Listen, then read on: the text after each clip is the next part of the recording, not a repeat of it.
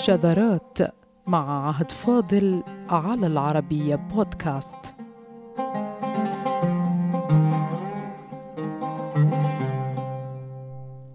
هو فعل من أفعال العربية.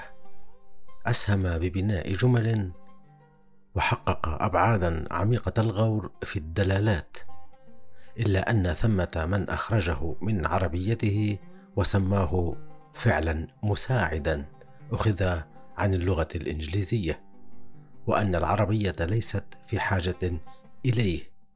كذا. ثم أمروا الناس بعدم استعماله إلا مقيدا لعدم الحاجة إليه. فعل قام إذا جاء في إطار القيام بفعل كقام بضربه وقام بالكتابة أو قام وفعل كذا وكذا. وقام هنا الفعل لا علاقة له بالقيام والجلوس. حملة من نار وحديد سيرت على هذا الفعل الثمين في اللغة العربية على زعم أن بناء الجملة به هو نوع من عمليات يقوم بها ما يعرف بالفعل المساعد في لغة أجنبية. فما هي حقيقة إخراج هذا الفعل من عربيته. وهل كان رؤساء العربية على جهل بحقيقة استعمال هذا الفعل؟ وكيف مرت تلك القرون وبحور التصانيف حتى جاء من أخرج هذا الفعل من اللسان العربي؟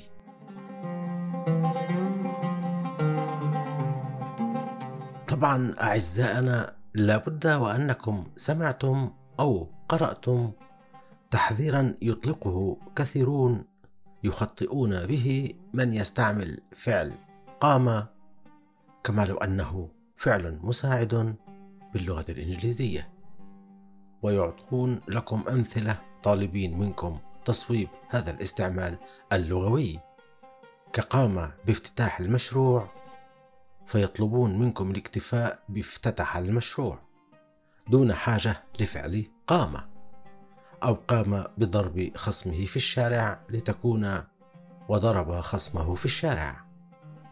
وفي الحقيقة عمت ظاهرة إخراج هذا الفعل من اللسان العربي. حتى بات من يسمع تلك القضية يشك في لسانه.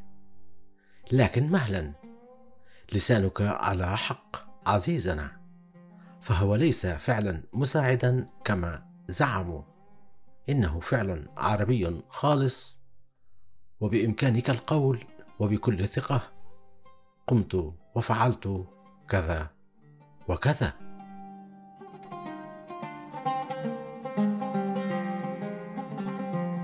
هذه هي القضية اليوم وسنوضح لكم وبالأدلة القاطعة أن اتهام استعمال فعل قام كما سبق في الأمثلة وغيرها بأنه فعل مساعد ليس من اللسان العربي هو زعم باطل. فهل كان رؤساء العربية يستعملون فعلا مساعدا؟ بل إن بعضا من مفسري القرآن الكريم شرع باستعمال فعل قام دون أدنى سبب للاستغناء عنه. أيها السادة إن ما وصفوه بفعل مساعد أولا هو له اسم خاص في اللغة العربية فكيف ألبسوه ما لم يكن ثوبا له؟ فيما ثوبه هو أفعال الشروع بلى أعزائنا فعل قام وبالكيفية التي زعم البعض أنه لا علاقة له بلسان العرب هو من أفعال الشروع. وقد سبق رؤساء للعربية وأدلوا بدلوهم بهذه المسألة. ومنذ قرون فكيف يأتي الآن من يزعم ويقول إنه فعل مساعد مأخوذ من اللغة الإنجليزية؟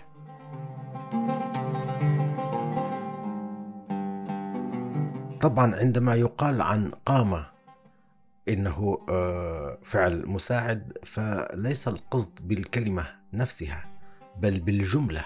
يعني عندما يقال آه، وقام فلان بضرب فلان آه، هم يقولون إن استعمال قام بهذا المكان تأتي كما لو أنها فعل مساعد مأخوذ من اللغة الإنجليزية. بهذا المعنى حصرا. لكن أولا لنثبت أن قام تنتمي لشجرة اسمها أفعال الشروع. يقول أبو حيان الأندلسي في مصنفه الشهير ارتشاف الضرب من لسان العرب.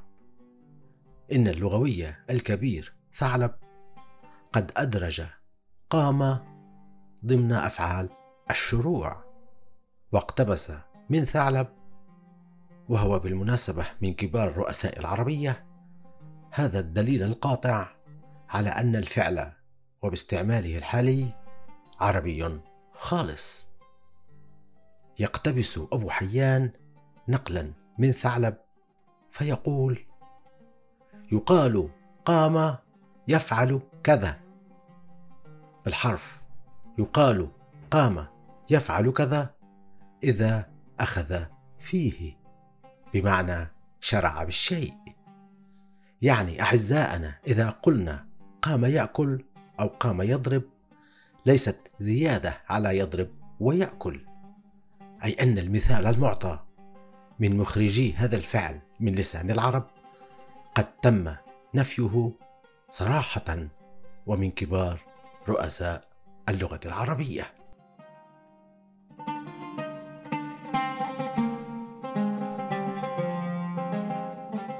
فإذا كان أبو حيان من أبناء القرن الثامن فإن ثعلب من أبناء القرن الثالث للهجرة أي أنه ينتمي إلى زمن الاحتجاج اللغوي لكن هل انتهى الدفاع هنا؟ كلا أعزائنا هذه الكتب العربية التي يظنها البعض كثيرة هي في الحقيقة مصنفة لغايات عميقة منها قضيتنا اليوم في إخراج قام من اللسان العربي ظلما. يقول اللغوي المصري المقدسي الكبير ابن بري. في انتباه له يكشف قوة ملاحظاته وشغفه بالعربية. فيقول كما لو أنه يتنبأ بما سيحل بفعل قام في أيامنا هذه. يقول قد ترتجل العرب لفظة قام بين يدي الجمل فتصير كاللغو لاحظوا لهذا اللغوي العظيم. انتبه منذ قرون إلى كثرة استعمال فعل قام بين الجمل العربية وقال إن العرب ترتجلها. فنقلها عنه الزبيدي في تاجه ليقول ومعنى القيام العزم. ثم يقتبس من شعر من العصر العباسي قيل للخليفة الرشيد قد رضيناه فقم. فسمه. أي فاعزم يقطع تاج العروس.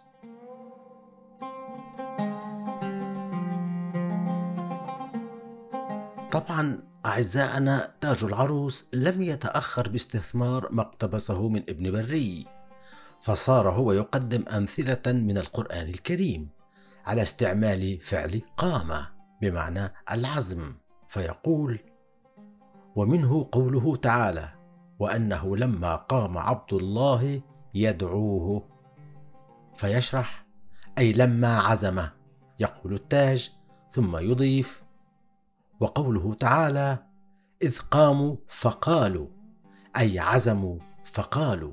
ينتهي التاج. فهل ثمة من مزيد لمخرجي قام من لسان العرب؟ هناك الكثير ولا شك في ذلك.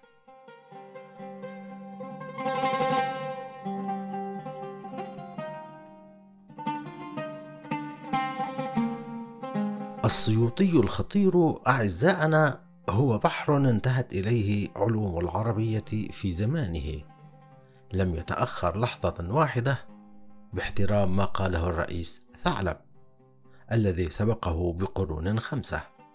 ويعطي مثالا عن أن قام فعل شروع بالشيء. فيقدم هذا الشاهد الشعري العظيم يقول قامت تلوم وبعض اللوم آونة حيث قامت هنا شروع بالفعل الذي هو تلوم. ومن غير المعقول أن نقول للقائل كان بإمكانك القول تلوم بدون قامت. على اعتبار أن قام هنا فعل مساعد كما زعم وثبت بطلان هذا الزعم. فكذلك الرئيس الفراء قدم هذا البيت مثالا لكشف الطريقة التي يتعامل بها العرب مع فعلهم الخاص. قام يقول الشاهد على ما قام يشتمنا لئيم. فهل كان حسان بن ثابت يستعمل فعلا اجنبيا مساعدا؟ ليس من كلام العرب وهو الفحل الجاهلي والإسلامي معا.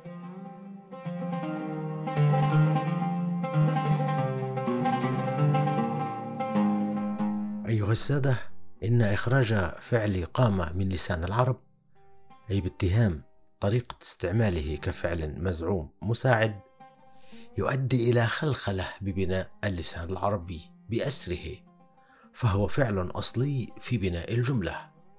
وكثر حتى لفت انتباه ابن بريا وقال إنها من كثرة استعمالها كلفظة بدت كما لو أنها من اللغو. لكن ماذا يقول مفسرو القرآن الكريم في هذه القضية؟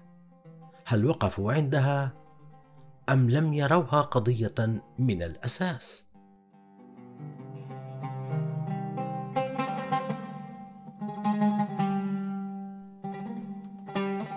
بلى أعزائنا فقام هو من صميم بناء الجملة العربية الفصيحة. ووقف عندها المفسر والمؤرخ الطبري الذي هو من هو في التاريخ وفي التفسير.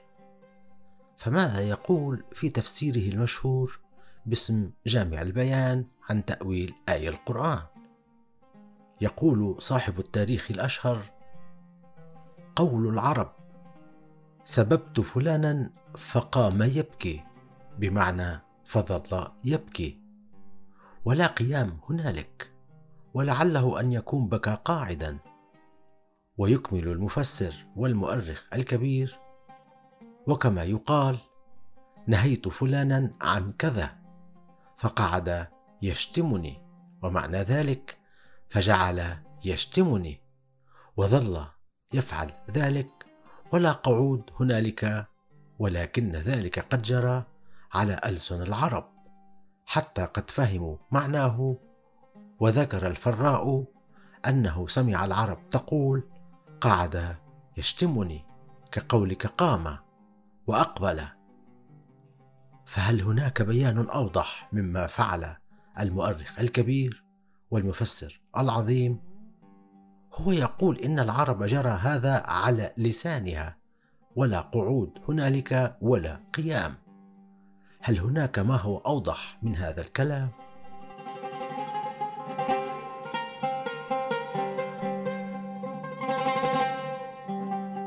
وكذلك فعل القرطبي الكبير في مصنفه الجامع لأحكام القرآن. يقول وقام فلان يبكي وأنت لا تقصد الإخبار بقعود أو قيام. وكذلك يستعمل هذا المفسر واللغوي الكبير قام بالطريقة التي زعم أنها ليست من لسان العرب فيقول وقاموا بتلك الشهادة لفظا. فأي ظلم لحق بهذا الفعل العربي الذي زعم أن دخوله على الفعل لا حاجة إليه؟ فيمكن القول افتتح المشروع من غير أن نقول قام بافتتاح المشروع. على أساس أثبتنا لكم أعزائنا بطلانه بأن هذا الاستعمال مشتق من الفعل المساعد بلغة أجنبية وأنه ليس في كلام العرب. من يقول قام بفعل كذا.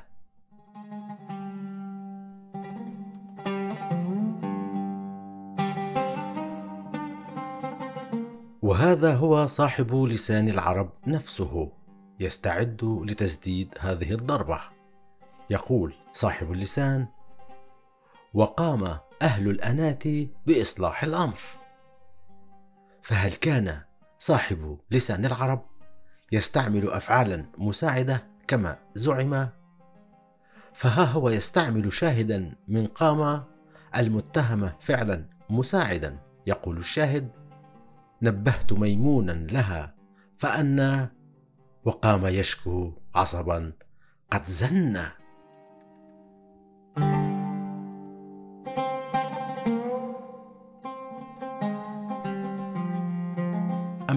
مفسرا كبيرا آخر كابن كثير الدمشقي استعمل الكلمة فعلا مساعدا أيضا. يقول في تفسيره تفسير القرآن العظيم وقاموا بنصره وصارت لهم دار إسلام. فلماذا لم يقل فنصروه على نظرية الزاعمين بلا ضرورة فعل مساعد مزعوم ببناء الجملة العربية؟ فقد قال أيضا وقام أهله وفتحوا الغرائر. فلما لم يقل وفتحوا الغرائر؟ كذا بدون وقاموا. تلك التي استعملها في مكان آخر وبالحرف. وقاموا بما عليهم من أداء الرسالة إليهم. حتى إنه ينقل عن واحد من جملة أقدم المفسرين وهو ابن عباس قوله فمن قبلها وقام بشكرها. ولم يقل فمن قبلها وشكرها بل قام بشكرها. أيها السادة.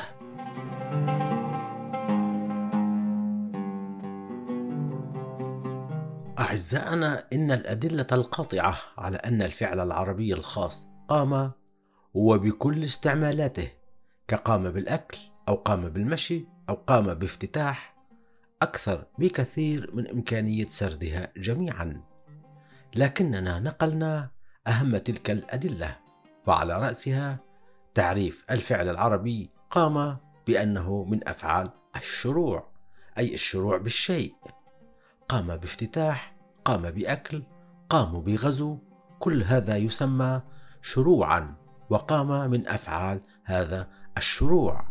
وكما بينا لكم هو استعمال كثر بين العرب كما قال الرؤساء.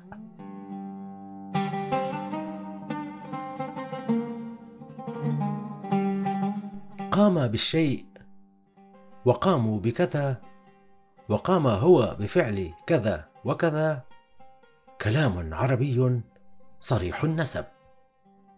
وباستعمال فصيح إلى الدرجة التي امتلك فيها ألف سبب وسبب. فبالله عليكم لا تخرجوه من لسان العرب. والسلام عليكم.